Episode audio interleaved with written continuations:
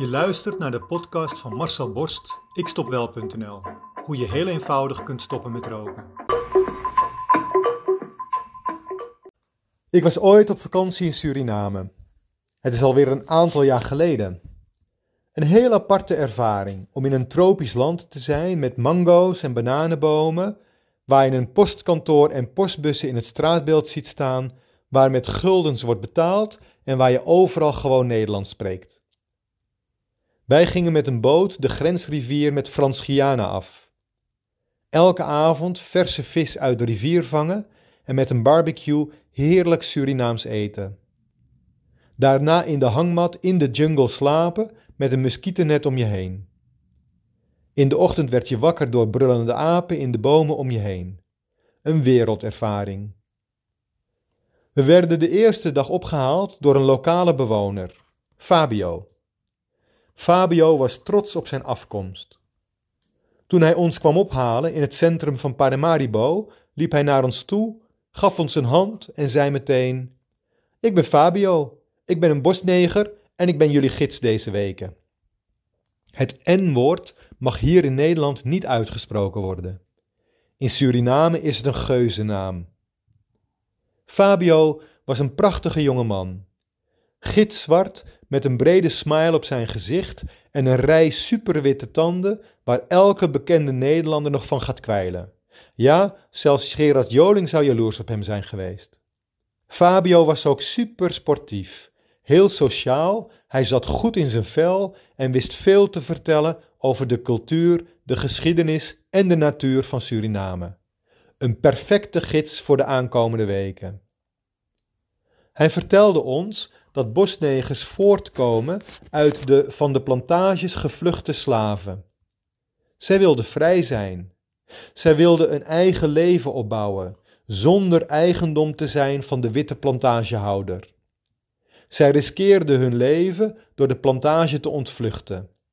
En daarom renden ze de oerwouden in, zo ver mogelijk het binnenland in, waar ze niet meer gevonden zouden worden waar ze hun eigen dorpen zouden oprichten. Fabio en alle andere bosnegers zijn trots op hun voorouders en terecht. Zij hebben zich ontdaan van de ketenen van hun bestaan. Gisteren was het Ketikotti, de jaarlijks terugkerende feestdag ter viering van de afschaffing van de slavernij in Suriname. Het betekent letterlijk de ketenen gebroken. In juli 1863 schafte Nederland eindelijk de slavernij af.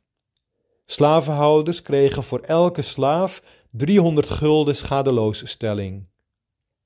Maar de vrijgemaakte mensen kregen niets en werden in Suriname nog tien jaar verplicht om op contractbasis tegen een schijnloontje het werk voor de witte te blijven doen. Hoe het is om letterlijk het eigendom van een ander te zijn, dat weet geen enkele blanke Nederlander.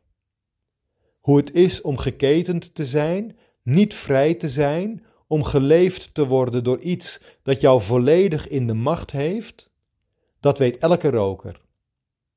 Elke roker is namelijk vastgeketend door zijn rookgedrag, door de illusie dat hij verslaafd is, door de hypnose dat ze daar nooit meer vanaf zullen komen, want het is heel moeilijk om te stoppen. De eerste slaaf die de plantage ontvluchtte, had het inderdaad het moeilijkst. Die moest namelijk alles zelf uitvogelen. De enkelingen die het lukte, begonnen een nieuw bestaan, vol trots, vol moed, vol energie. Zij inspireerden andere slaven om ook te vluchten, om voor zichzelf te kiezen, voor de vrijheid.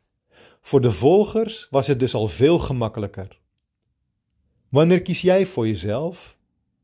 Wanneer kies jij voor de vrijheid? Wanneer kom jij erachter als je alleen maar de paden hoeft te volgen van de rokers die jou zijn voorgegaan? Om ook vrij te zijn?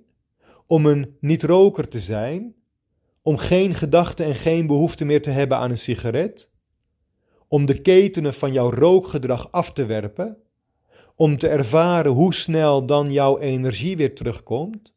Om erachter te komen hoeveel jij hebt opgegeven in je leven door te roken, om erachter te komen dat het irritant eenvoudig kan zijn om gestopt te zijn en te blijven? Wanneer kies jij voor jezelf? Wil jij ook stoppen met roken? Wil jij jouw rokende collega's van het roken afhelpen? Kijk dan op mijn website ikstopwel.nl en neem contact met mij op.